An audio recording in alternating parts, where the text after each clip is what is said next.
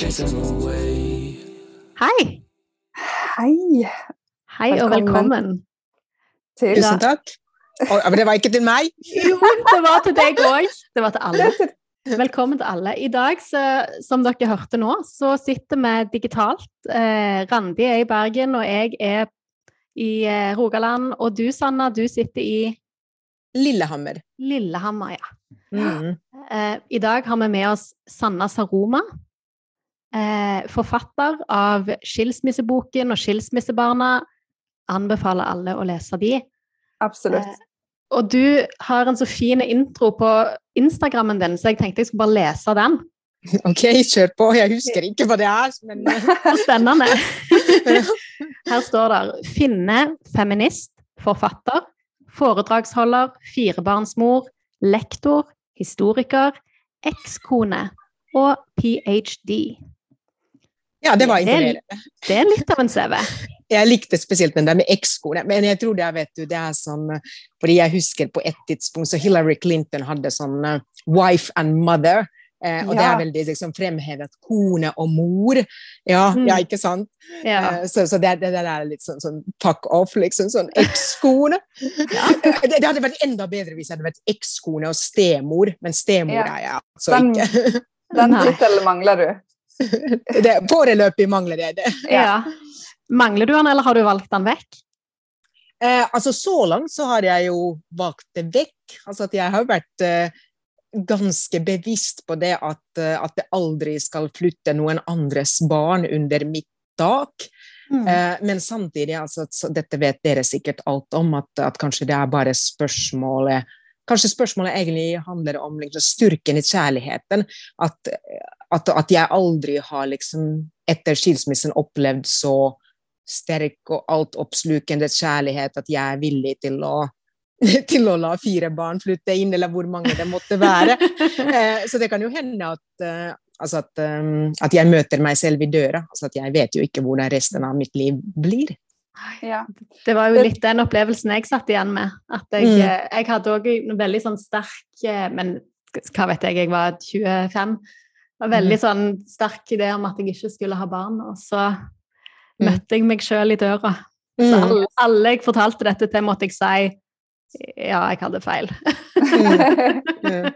Mm. Oh yes, det tenker jeg er, er gjennomgående. Det er for mange i vår posisjon, Karin, at man har tenkt Eller mange i en eller annen type foreldrerolle. Som, eh, som har sagt mye om alt man ikke skal gjøre eller ikke skal bli, og så bam, så Mm. sitter du der. Og da, Mm. da får Mm. man ta det som kommer. Mm. Absolutt. Eh, vi har jo invitert deg med inn, spesielt med tanke på dette med eh, at du nå er aktuell med skilsmisseboken. Eh, hvor, nei, ikke skilsmisseboken, Skilsmissebarna. men Skilsmissebarna. Beklager. Eh, hvorfor, den, hvorfor ble det en bok?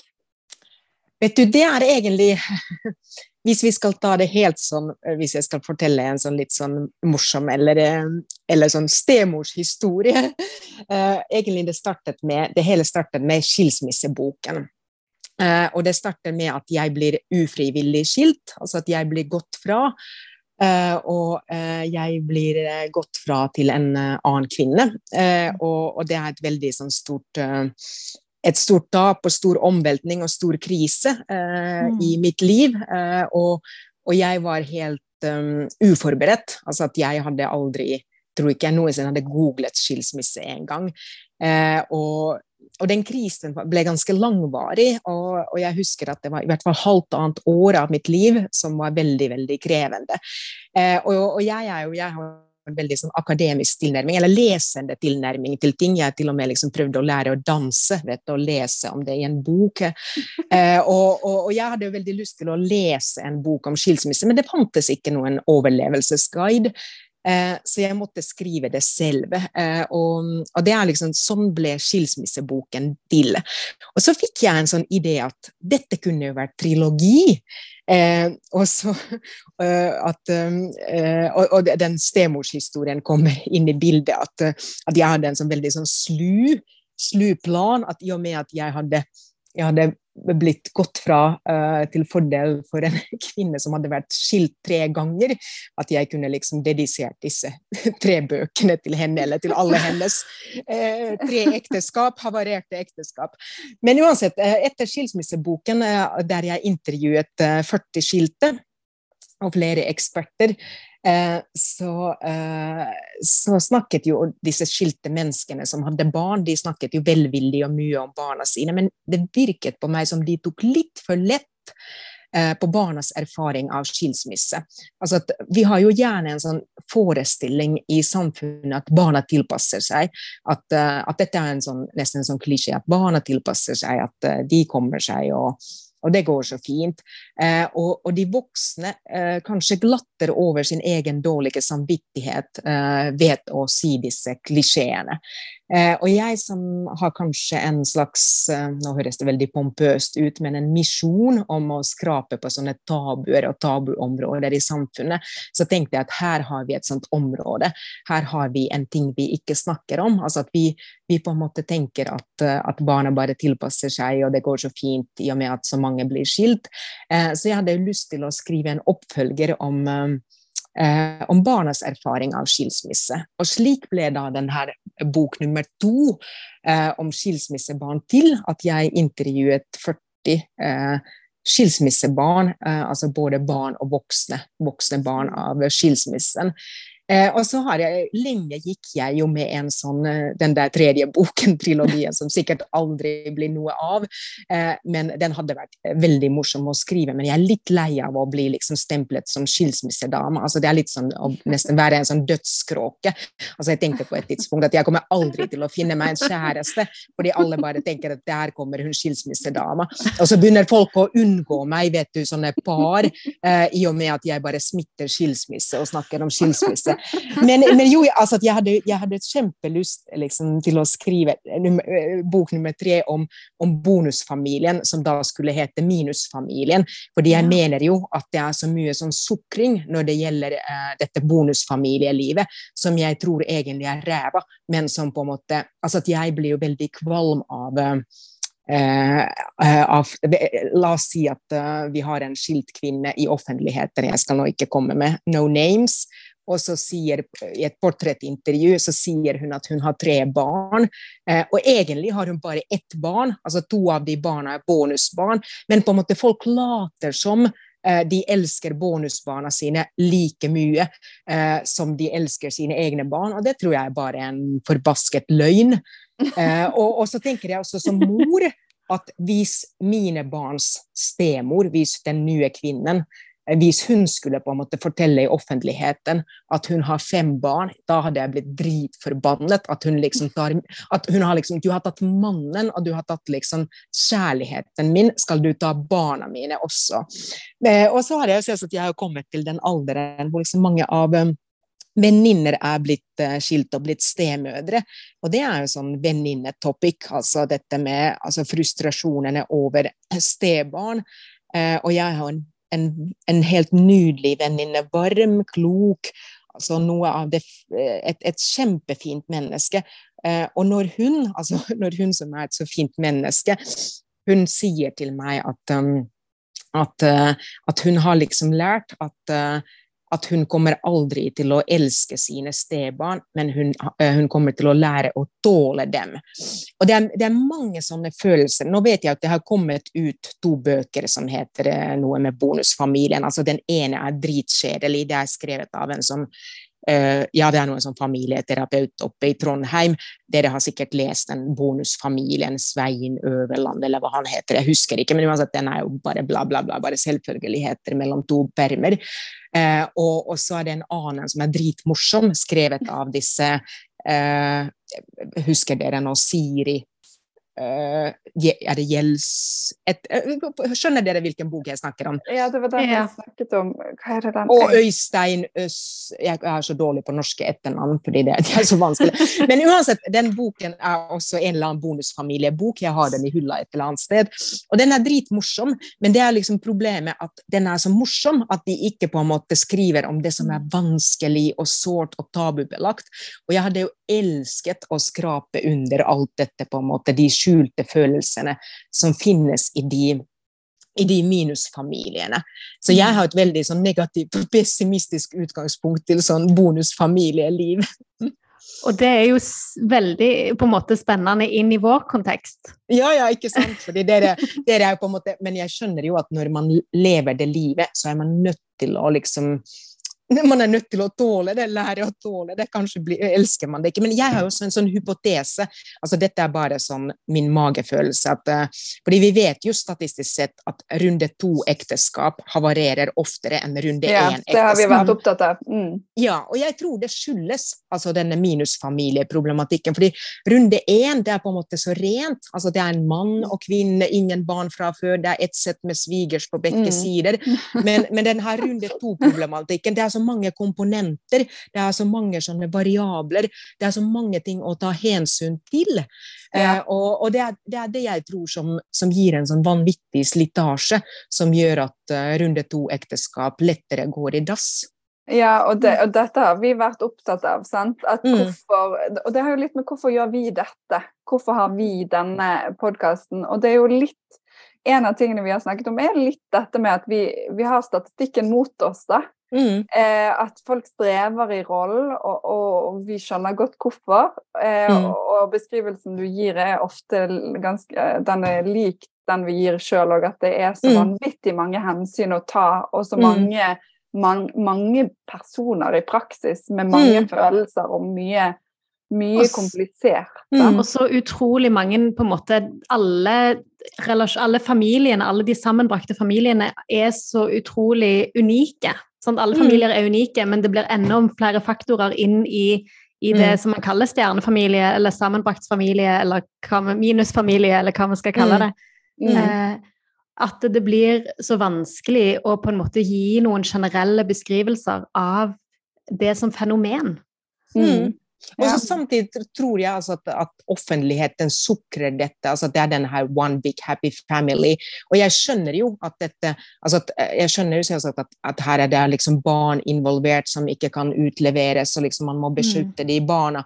Uh, men, men, likevel, altså at, jeg savner den helt ærlige diskusjonen om hvordan det er å drifte. altså Det er derfor jeg sier at jeg syns så synd på alle som må liksom leve. Ja, eller ja, altså alle stemødrene og stefedrene. og jeg tror liksom jeg, Men dette er en veldig sånn uferdig tanke. altså sånn, Jeg, jeg innbiller meg at, um, at jeg har best sjanse med å lykkes på runde to hvis jeg ikke flytter sammen med uh, mann nummer to, altså min neste ektemann, før barna har flyttet hjemmefra. Sånn at man på en måte slipper å, slipper å blande eh, liksom to sett med barn og hele ja. den der bøttepaletten. Det er jo mange som velger uh, den løsningen nå. Ja, og jeg tror det, det, er veldig klokt, selv, om det er, uh, selv om det ikke er så veldig økonomisk med, med dagens liksom, boligpriser og renter og, og hele den pakka, men, men, det er kanskje den prisen man Eller at et, hvis man har mulighet til det, økonomisk mulighet til det, så tror jeg at det opprettholder kjærligheten og gnisten og alt det fine bedre enn at man, enn at man flytter sammen og, og, skal prøve å få det til å fungere.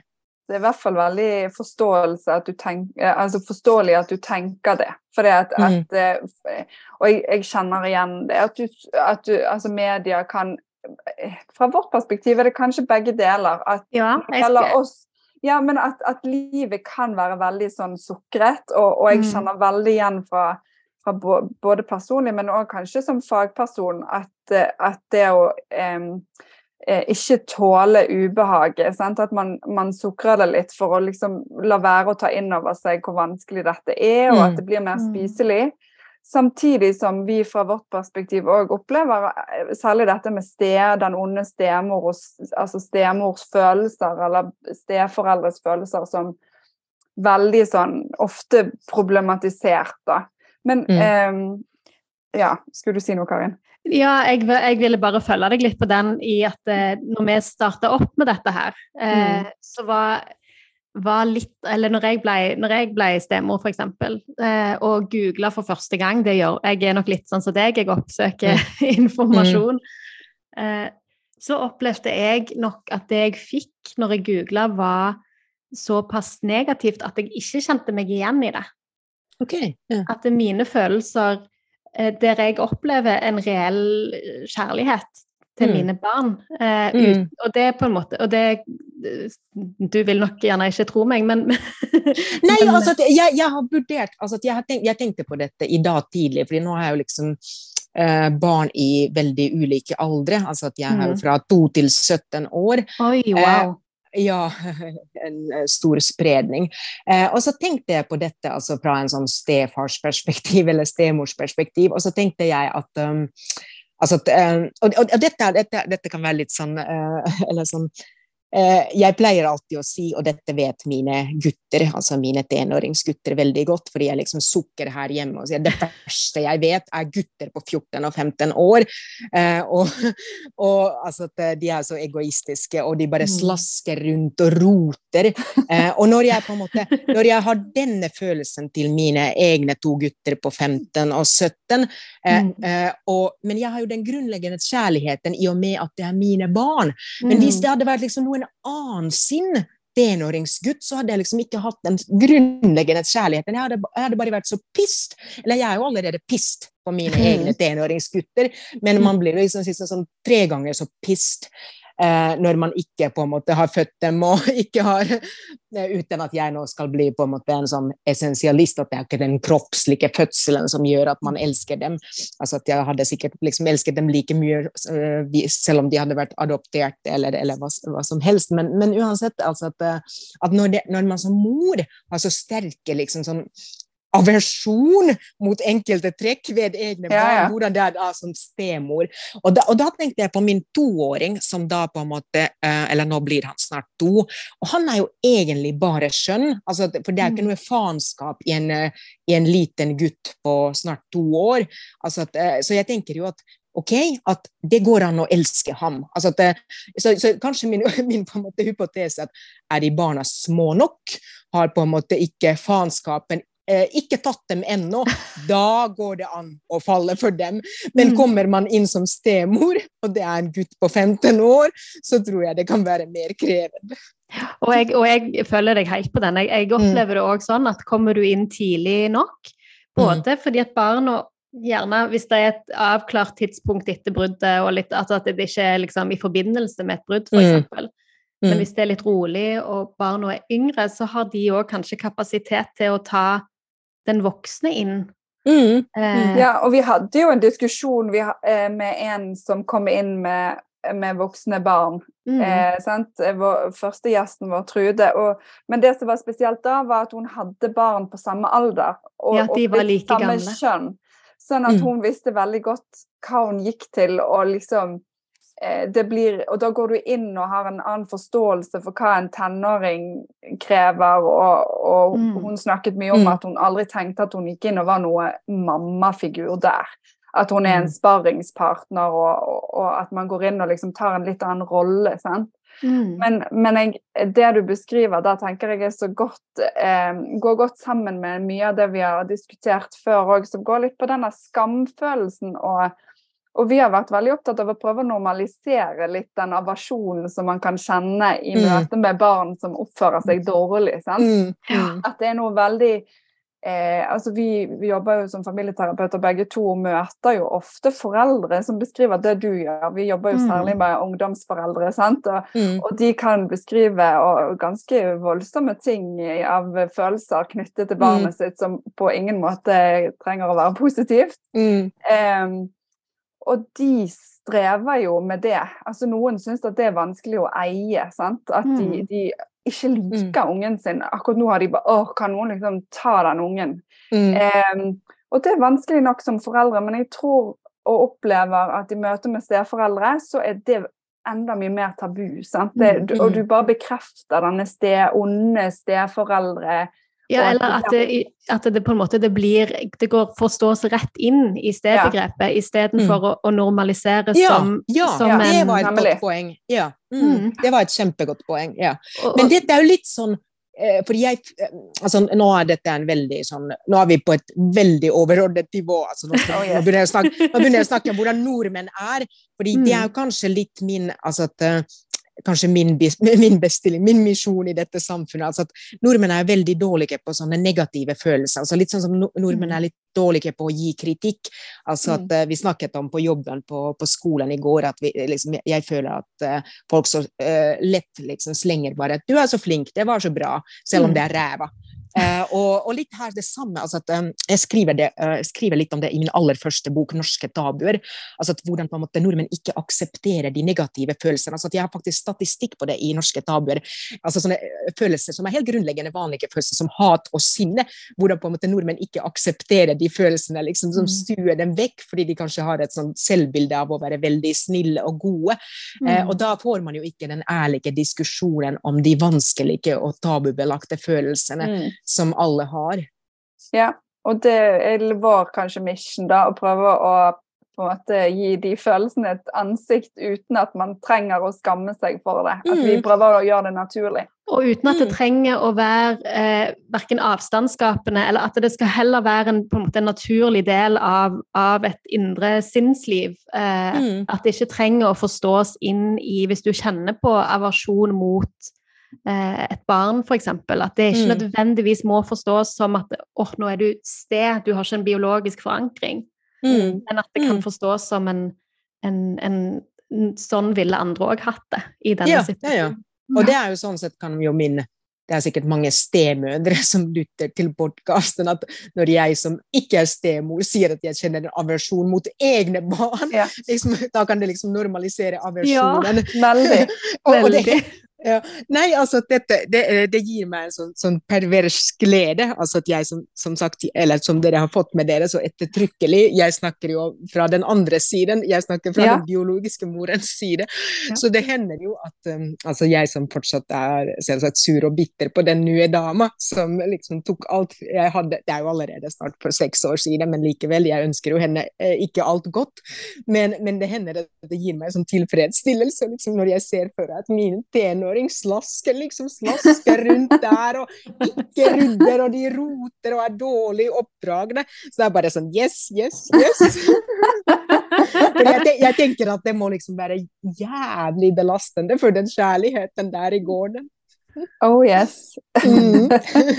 det er litt gøy. Ja, men, og det er jo noe vi, vi har vært opptatt av at inni denne podkasten her, så er vi ikke interessert i Eh, og, og, personlig òg ikke egentlig interessert i når man står i noe, at noen bare skal jatte med deg og puse deg mm. på armen. og liksom, For å få disse tingene til, for å bli klokere og tryggere i rollen og, og alle de tingene der, så er jo det å bli utfordret og ta den andres perspektiv og, og ja, ja, ikke bare søke mm. de som er enig, da, eller som Nei. kommer med det samme. Mm. Eh, det er vi veldig opptatt av. Mm. Og vi har òg jeg... gitt ut uh, noen råd i, i Aftenbladet Bergens Tidende der gjerne mitt favorittråd er Happy X, og Happy Kids er Happy Life. ja. Happy X, ja, det høres bra ut. Ja. ja. I stedet for Happy Wife, Happy Life. Ja, ja, ja sant. At, mm. Fra vårt perspektiv så, så tenker vi at en, en, situasjon der alle de voksne har det bra, mm. gjør at, at min situasjon som, som stemor, da, eller som mm. steforelder, blir bedre. Mm. Eh, men, da, men, ja, unnskyld. Nei, nei, jeg bare tenker, men, men, da tenker jeg som biologisk mor at jeg hadde hatt det bedre hvis stemoren til mine barn hadde hatt det dårligere. Ja, og det er, det å kjenne på at man har det sånn, det er nok sikkert i alle leirer òg, sant. Mm. At mm. når man ikke på en måte drar åpenbart i samme retningen, så kan mm. man uh, kjenne igjen litt av de følelsene der. Mm. Absolutt. Men i forhold til boken din, hvis jeg liksom skal mm. pensle oss inn på dette, så eh, du har jo noen beskrivelser, og nå, altså, nå har du jo eh, vært raus på et vis, sant? og vært med å normalisere og fått mange steforeldre til å føle, kjenne litt at de vanskelige følelsene Det er litt morsomt at du kaller meg raus etter all denne småligheten jeg nå har pumpet ut her. men, men jeg, jeg, jeg, bare for å normalisere den småligheten litt, så, så er det jo ikke mm. lenge siden jeg snakket med en, en steforelder som som i et litt svakt øyeblikk sa åh, jeg håper den andre forelderen liksom begynner å jobbe i kassen på Kiwi. Og i, og i hans yeah. hode så var det det verste som kunne skje. yeah. for den, altså rent sånn statusmessig, at andre, yeah. den biologiske faren at han Å, jeg håper han mister jobben, jeg håper han yeah. For det hadde vært godt for meg, sant? Yes, yeah. Mm. Eh, så det er, nok, det er nok sånn som Randi sier, at det er nok i alle leirer disse mm. Og de følelsene er jo virkelig tabu, sant? Mm. Ja. Mm. ja. og det er det jeg tenker. at Det, det var en, en jeg, jeg, ga deg tittelen raus der litt med vilje, sant? Eh, og, og Litt på faenskap? Ja, og det, det kan vi like å gjøre. Men, men eh, poenget var litt at, eh, at i boken så kunne i hvert fall jeg sitte og, og svette litt mm. når eh, noen av beskrivelsene av sted særlig stemødre har du vært opptatt av, sant? Eh, fra, mm. fra, eh, eh, du kan gjerne si litt om, om ja. det, hva du fant. Ja. ja. og dette var et kjempespennende og kjempespennende fenomen, og veldig overraskende. Altså, nå skal det jo sies at altså, denne boken er jo ikke uh, forskning, altså at jeg er en gammel, avdanket forsker, så jeg har selvsagt litt sånn forskerblikk. Uh, men, um, uh, men, da jeg liksom analyserte intervjuer og materiale og Eh, og det som eh, Altså, det kom ut historier. Det kom ut fem historier hvor disse skilsmissebarna snakket om, om sin stemor. Eh, og jeg grupperte disse historiene altså, som historier om den gale stemoren. Altså, de gale stemødrene, de finnes. Eh, og det som var litt så rart, at det fantes ikke tilsvarende historier om stefedre. Eh, og galskapen hos disse stemødrene var at uh, de var så innmari dårlige til å gi egen tid til far og barnet, eller far og mm. barna. Uh, at det var liksom noen av dem som insisterte på å være med overalt. Altså Det var helt så det ville historier. Det var en barnløs stemor som liksom ville sitte i baksetet mens far og sønn øvelseskjørte. Eh, og så var det en, en, eh, en tenåringsjente, altså en, eller en jente på 18 år, som eh, som hadde en far som, eh, som, liksom Ja, det var umulig, kul umulig for henne å få alenetid med faren fordi hun stemor var var liksom med på alt. Og så far var liksom litt mellom barken og veden, fordi det virket som hun stemor ønsket å være med på alt, og far liksom prøvde at man skulle være litt sånn one big happy family. Så det er noen kvinner der ute som, uh, i hvert fall disse fem, som ikke forstår at det er helt essensielt at, uh, at den biologiske forelderen skal ha egen tid med sine biologiske barn, uh, altså istedenfor å liksom prøve å la liksom prøve å late som man er noen slags kjernefamilie, eller Og så tenker jeg også disse stemødrene, at ønsker de seg ikke noen egen tid? Altså at jeg hadde nå tenkt at hvis jeg levde i en sånn stekonstellasjon i en sånn minusfamilie.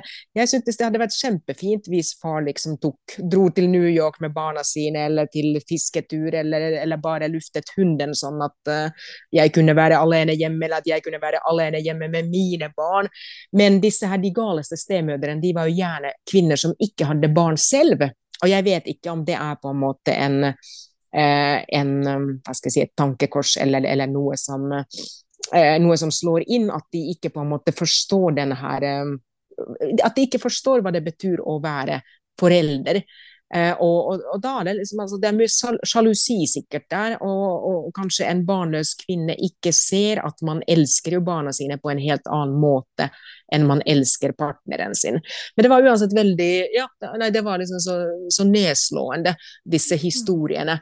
Eh, mm. om stemødrene som liksom var, var overalt. Mm. Ja, og det var veldig interessant at du sa det nå. sant? Det med, eh, for jeg skrev det i notatene mine når jeg leste i boken din. Så, så skrev jeg eh, fordi at, at i beskrivelsene dine, de er jo ganske sånn heftige, sant? Og du bruker mm. ganske voldsomme beskrivelser på sant? manglende sosial kompetanse, eller hva eh, Relasjonskompetanse. Ja, relasjonskompetanse og eh, eh, Hva var det andre ordet? Men, men uansett så, tenker, så blir jo jeg fra mitt perspektiv som terapeut, eh, og, og, kanskje òg i dette perspektivet som, som i, i sånn podkaster og sånn, så blir jeg opptatt av hva, hva gjør det? Hva, hvor kommer en sånn eh, både eh, en, opp, en, sånn type oppførsel fra? Hva ligger bak det? Mm. Eh, samtidig som som du òg snakker ganske, eller skriver mye om dette med eh, å kjenne sin besøk, besøkelsestid. eh, sant, Og gi denne egentiden. Mm. Eh, og så ble jeg opptatt av nettopp det med, med hvordan kan man altså formulere det på en måte som gjør for, for, det der med å kjenne sin besøkelsestid er noe av det som jeg, åh, jeg Det trigger meg ganske mye, da. Mm. Mm. Eh, men så prøver jeg å, å, omformulere det til noe mer spiselig. Sant? At, mm. eh, at dette med å, eh, og Fra mitt perspektiv igjen i forhold til å, å være terapeut og, og sjøl være mor og sånn, så vet jeg jo noe om det der med å ha alenetid eh, mm. verdien av det. Så det er ikke noe som, som, for meg oppleves veldig truende. Selv om jeg mm. tenker at for noen er det det. Og, eh, og i tillegg som mor og stemor, så er jo det der med eh, alenetid, altså tid til å prioritere seg sjøl, er jo noe som jeg er så sinnssykt manko på. Mm. Sånn, at, sånn at, at, det var det jeg hadde tenkt på, da. At hvordan liksom kan man prøve å balansere ut dette barnets behov og foreldres behov men òg steforeldres behov. Sånn at det blir en sånn, litt sånn spiselig eh, og overkommelig sak for alle. Eh, mm. Hvis du følger meg litt på det. Har du noen tanker om liksom, hvordan, hvordan kan vi forstå disse stemødrene, og, og hva, hvordan kan vi gjøre dette? For min opplevelse er i hvert fall at, at ikke folk responderer spesielt godt på en sånn Det må du bare forstå. Sånn er det. Sant? Eller mm. eh, at det, alle trenger alenetid. Sånn er det. Det pleier ikke nødvendigvis å nå fram til folk. men, men jeg, min bestilling er på en måte ikke å oppdra stemødrene. altså Jeg har nei, rapportert nei. historiene fra de skilsmissebarna som har fortalt dem, og som har liksom fortalt hvor, eh, hvor sårt det har vært, og hvor vanskelig altså Nå er det jo den her jenta på 18 jeg orker ikke nå å besøke faren sin lenger i og med at hun stemor er overalt. Eh, og så, det var jo også eh, en historie som jeg skriver i boken. Eh, eller, eller som, jeg, som, er et sånn generelt råd, at, at gjerne en sånn, liksom, sånn nyt kjærlighet, en ny, kvinne. Altså at, hun, hun, vil jo gjerne med, være liksom med på familiefester, og, og, kanskje ikke skjønner at uh, et bryllup i familien er ikke stedet hvor liksom pappa skal Eh, skal kringkaste sin nye kjæreste. Altså at, eh, mm. at, da må liksom mm. andre ting være i fokus. Uh, men, men altså at, at, hvordan liksom stemødrene skal, skal Eller hvordan disse altså Vi snakker antagelig som et mindretall. altså at Vi snakker jo mm. nettopp, ja, ja. som jeg skriver, noen gale stemødre som, som, mangler de som jeg mener er helt normale antenner. Mm. Eh, altså Akkurat sånn som det er en kjernefamilie altså med mange barn. altså det er jo sånn Eh, I hvert fall eh, da jeg fortsatt hadde en kjernefamilie med mange barn, så var det jo helt vanlig at innimellom gjorde, gjorde liksom far noe med en unge, og innimellom gjorde mor. Altså at man delte mm. seg. At man hadde liksom ulike konstellasjoner for at alle skulle få litt egen tid med far og litt egen tid med mor. og Uh, og, og, igjen så på en måte uh, gjentar du egentlig noe som, som, vi har vært inne på, dette her med at dette med egentid er for det, vi har snakket om det før, og vi har en episode som, kjenner, nei, som heter 'Kjenn din besøkelsestid'.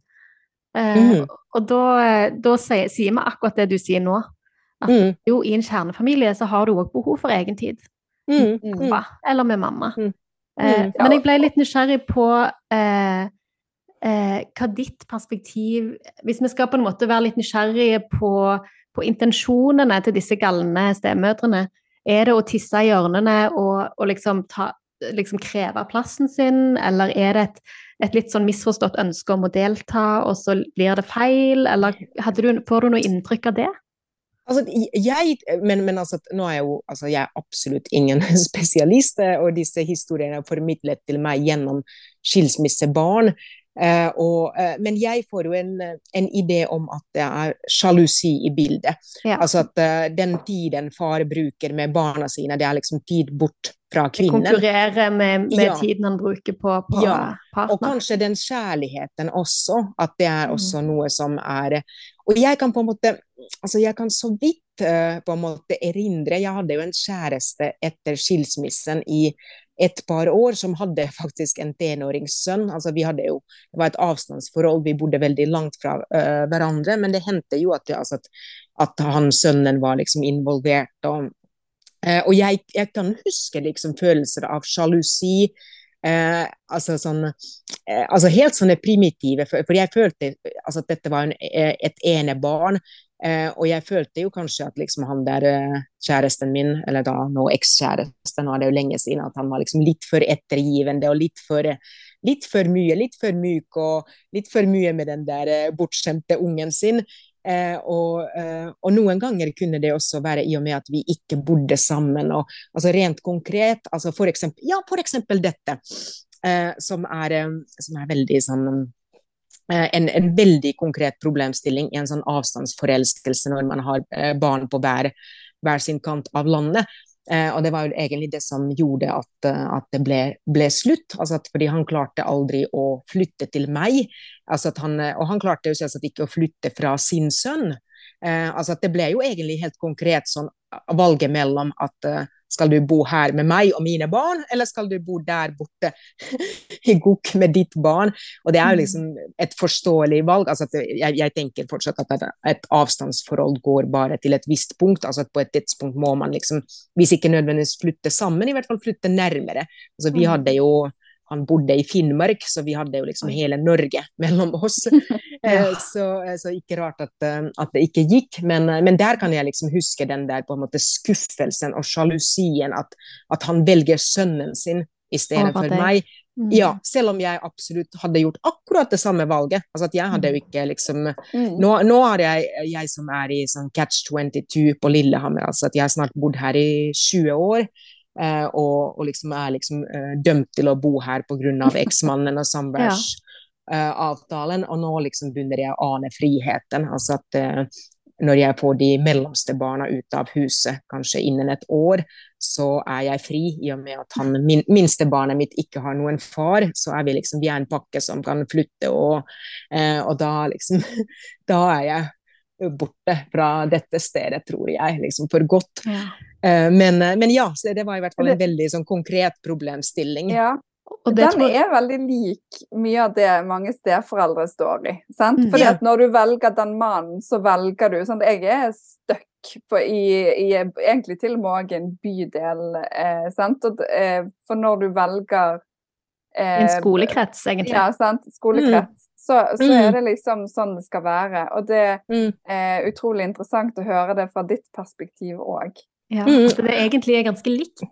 Ja. ja, ja. ja. Og, så, og, så, tenker jeg også i skilsmisseboken altså at um, mange de eh, Og jeg, tenk, jeg, har tenkt det også litt selv, altså at jeg som bor på Lillehammer, som har er det 26 000 innbyggere altså Litt sånn å være skilt på Lillehammer, eller på enda mindre steder altså Det er jo altså det er liksom sånn som Shane Austin skriver om prospects. altså Det er ja. null prospects. Eh, og, jeg, og jeg innbiller meg at det kunne vært liksom Hadde jeg vært en helt sånn gjennomsnittlig sykepleier eh, uten å liksom nå altså Bare helt sånn A4, helt vanlig, mm. uten, liksom, uten alle disse meningene mine, og uten liksom med trang til å utbasunere dem, eh, så hadde det sikkert lettere å få meg, eh, liksom finne meg en gjennomsnittlig eh, kjæreste, en ingeniør eller et eller annet som det finnes mange av. Men altså at, at det er jo sånn at um, det er derfor liksom denne catch 22-en i en liten by, altså det der mark... Altså disse mm. mulighetene i det hele tatt for å bli en stemor er jo ikke så store. Nei. Det er som bygdetrollet. Du blir kanskje litt bygdetrollet, du. er det jeg som er bygdetroll? Men jeg blir, jeg blir, veldig sånn Jeg, jeg syns det er litt påfallende når, snakker, når vi snakker med deg, Sanna, at, at jeg, jeg, blir rett og slett litt overraska over hvor mye likt det er. Og, og det, Nå høres det ut som jeg har planlagt å si det, men det har jeg virkelig ikke. Jeg, jeg sitter her og liksom Litt sånn som Per Kjærstad sa når vi snakket med han, båten blir litt til mens jeg gror. Ja. Eh, men når du forteller om hvordan du opplever det, mm. så er det som om jeg sitter med noen av de steforeldrene jeg har snakket med, eller de som har skrevet inn til oss. Mm. Så de, de, følelsene som du beskriver, ja. Mm. Men det er jo veldig og det er, og det er, jo interessant, og det kan jo kanskje bringe oss nærmere hverandre. Ja. Altså at, eh, at, våre livserfaringer og livshorisonter ja. Egentlig er vi bare stakk alle sammen. Ja. alle sitter i gjørma. Nå skal man klirre i glasset litt og tatt en skål for det. Ja. Men det du beskrev òg i sted, tenker jeg eh, Altså noe av det som, som veldig mange steforeldre eh, syns er vanskelig, er det å ikke være nummer én hos mm. partneren sin. sant? Mm. Eh, men der tenker jeg nok at de som går inn Både meg og Karin gikk jo inn i dette uten å ha barn fra mm. før, eh, men kanskje med en litt eh, større Altså, vi hadde tenkt tanken ut knyttet til dette, eh, med å, å, ta inn over oss at her har vi eh, mye hjulpet av at partneren våre var veldig tydelig òg på at eh, du blir ikke nummer én. Altså her er det skolekretsene der, og vi må bo mm. sånn. Og sånn er det, sant. Men mm. der tror jeg når du beskrev disse litt eh, på tuppa steforeldrene som, som, tar mange rare valg, så blir så er det liksom den situasjonen gjør noe med deg, da. At mm. du blir eh, kanskje ikke den beste versjonen av deg sjøl som, eh, mm. Ja, og det, og det, er jo litt sånn, altså ikke sant eh, Fordi dette handler jo om at at uh, livet leves på noen annen sine premisser. Litt sånn som ja. jeg er litt sånn eh, altså Det er kanskje å ta i og si at jeg er bitter på at jeg bor på fuckings Lillehammer. Eh, og eh, ja, altså at eh, på grunn av at eksmannen at vi, at vi bodde her, og han tok skilsmisse da vi var her. altså jeg, jeg har ofte tenkt at altså Tenk om vi bare hadde bodd i Helsinki, eller at mm. Uh, fordi nå, nå er jeg jo liksom jeg har ingen familie, jeg har liksom jeg har ingen svigerslekt. Altså det er sånn, jeg, jeg, bare jeg ser liksom bilen til hans foreldre parkert hos ham, og de hjelper ham med alt, og så tenker jeg alltid at faen, at jeg sitter ja. her i, alene eh, og liksom lever, i livet, lever livet mitt i premissene som du fikk sette, mm. og så gikk du fra meg til en annen. Eh, og på samme måte, dere sitter jo i premissene som noen annen har lagt. Ja. Uh, og så, så, på en måte, ja, så det, er, ikke sant, det, er, det blir en spennende parallell. At, uh, ja, veldig. Mm, Samtidig mm. som uh, du er enda mer stuck. Sant? For ja. at, at, en tematikk som vi har hatt oppe hos oss, er jo at steforeldre Man kan gå. Sant? Man kan mm. la være. og noen har jo så, sånn som jeg, jeg har jo fått barn med mannen min òg, sant, og, og mm. da er det og, og relasjoner vil jo uansett etter hvert bli ganske vanskelig for folk å gå fra. Men, mm. men, hvis man ikke har felles barn, så kan du egentlig pakke snippesekken og, og dra din vei.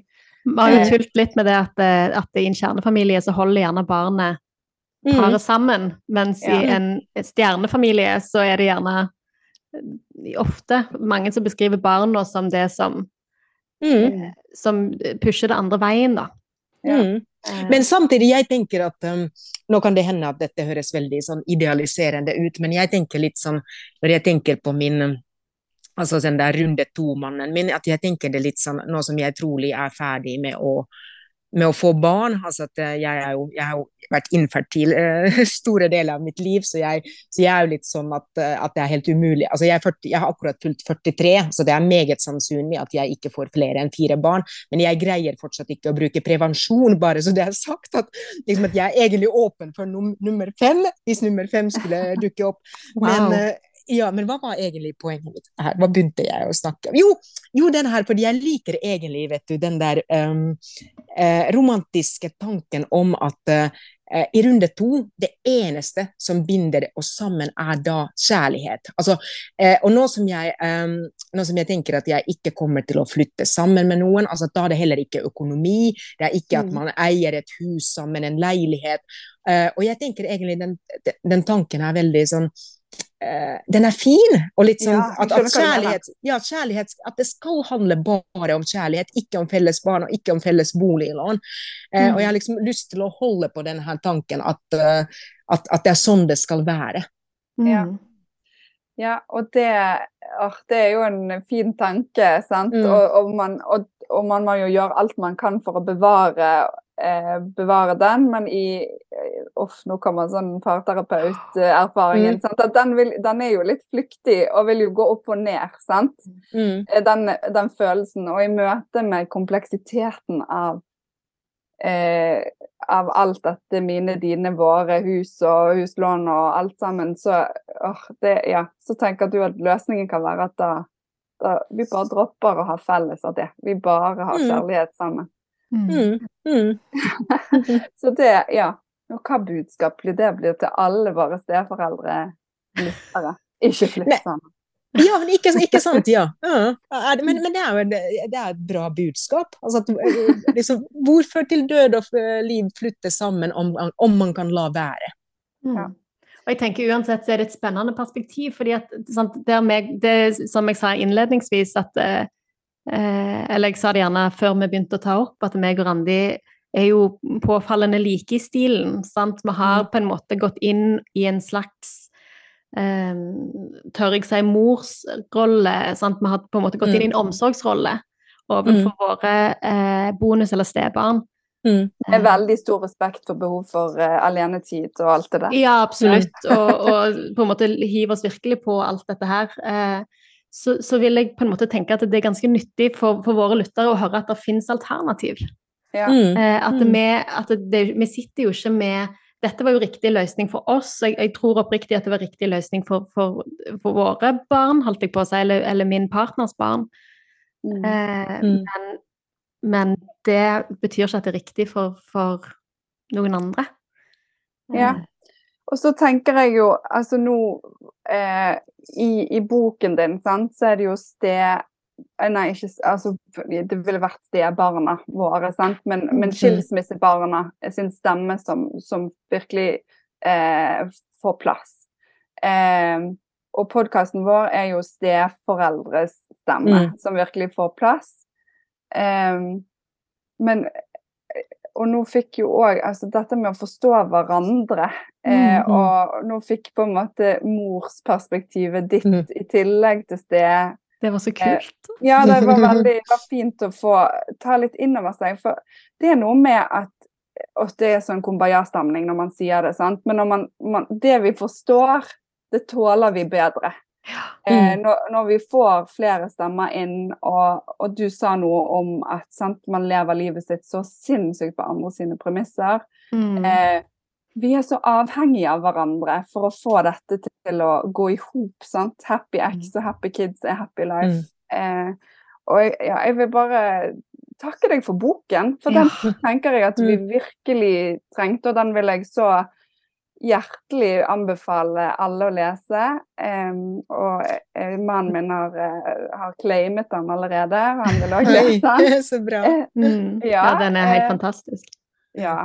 Og, Nei, det er så godt å høre, det er så godt å høre, ikke minst fordi den jeg tror liksom den skilsmissebarnboken den har ikke slått så like mye an som skilsmisseboken gjorde. og jeg tror at de, mange av de historiene er så vanskelige og vonde at vi fortsatt ikke orker å ta det inn over oss. I og med mm. at vi selv som, eller vi, nå snakker jeg om meg og alle vi skilte, at vi er på en måte skyldige i disse skjebnene. Mm. Absolutt. Og så tror jeg på en måte litt sånn, for å videreføre litt det du var inne på, på Randi, at, det, at det når vi Altså det vi, det vi, forstår, det tåler vi bedre, og, og når vi sitter jeg husker det var ei stemor som, som, jeg snakket med, som beskrev en sånn enorm følelse av avmakt. Fordi mm. at du blir på en måte litt sånn, sånn på, på, nåde til et menneske som du ikke kjenner, eller mm. snakker med, mm. eller har kontakt med. Eh, men som, som, påvirker veldig store ting i livet ditt. Det påvirker hvor du skal bo, eh, hvor mye du skal ha barn i huset, gjerne reglene du skal ha i huset. Mm. Eh, altså det påvirker så stor del av livet ditt. Eh, mm. men, men, når man ikke, hvis det ikke er eh, kontakt eller forståelse eh, mellom de to partene, så er det så mm. enormt enkelt å, å demonisere den andre. Sant? Da får du Det var vel gjerne samme, samme menneske som, som, sa, eh, når jeg tenker meg om at de skulle ønske at biologisk far jobbet på Kiwi Men at, altså, det, det, blir mye dissing. Jeg elsker de som jobber på Jeg elsker òg de som jobber på Kiwi. Ja. Jeg tar full ansvar Nei, full avstand, mener jeg, ikke ansvar. Avstand fra den uttalelsen. Eh, men, men, poenget hans var nok en sånn Det er så stor avstand at det blir så enkelt å, å hate, sant? Mm. Men hvis mm. det er mer kontakt, og, og du ser flere nyanser, hvis du, hvis du, får muligheten til å bli kjent, mm. Eh, så er det òg vanskeligere å demonisere. Og, ja, og slik sett burde jo, altså dere burde jo, altså denne podkasten burde jo vært lyttet til av de biologiske mødrene. ja, det liksom håper vi. Ja, ikke sant. Mm. Dere må markedsføre mot de biologiske mødrene. Ja, men det er du må, og du må være med og hjelpe på det. Men ja, ja. Det, det, er viktig for oss. At, eh, for, for, det er noen som har prøvd å si at dette er ikke bare for steforeldre, men til og med bare stemødre. Mm. Og, virkelig prøver å liksom igjen Det er brobygging, da. Nok en klisjé fra terapeuten i hjørnet her på et vis. Men, Men, men, det er jo det som er tanken, at mm. åh, ta eh, Utfordre. Og det det, jeg liker det med boken din òg, at du tar i noe som det, Og det er trist å høre at, at han kanskje ikke blir tatt like varmt imot som den andre, fordi at alle er glad i en type how to. Mm. Eh, mm. eh, men, men, når du er nødt til å se på deg sjøl, eh, mm. så, det er det litt ja, eh, mm. mer bismak. sant? Og, og vi ønsker jo, sant, med det du har sagt nå, og det vi møter i podkast, vi ønsker jo å se på oss sjøl, og og jeg tror podkast er en veldig god måte å gjøre det på, fordi at det er ikke en dialog. Du kan lytte, mm. reflektere, og så er vi opptatt av at hvis folk syns at vi er ute på tur, så kan de legge det fra seg, men, men likevel så har de mm. kanskje sådd noen noen mm. frø. da. Og det tenker jeg at det har du hjulpet oss med i dag, så det var skikkelig skikkelig Ja, det var veldig, veldig hyggelig å være med, og, og, dette var eh, konstruktivt for meg også, og for deres perspektiv. Så spennende. Nesten som jeg blir mer glad i mine barns stemor, men nei, nei, det er for mye å ta i. Vi kan la det spire og gro litt, ja. så gi det litt. Vi ringer deg opp igjen om noen måneder. Yep, ja. Og Sanna Sarona, tusen takk for at du stilte i dag. Sporty på, på nett og alt det der. Eh, og takk, takk, igjen for boken din. Takk. Takk skal du ha. Oh, I got monsters in my head, but you chase them away, chase them away, chase them away.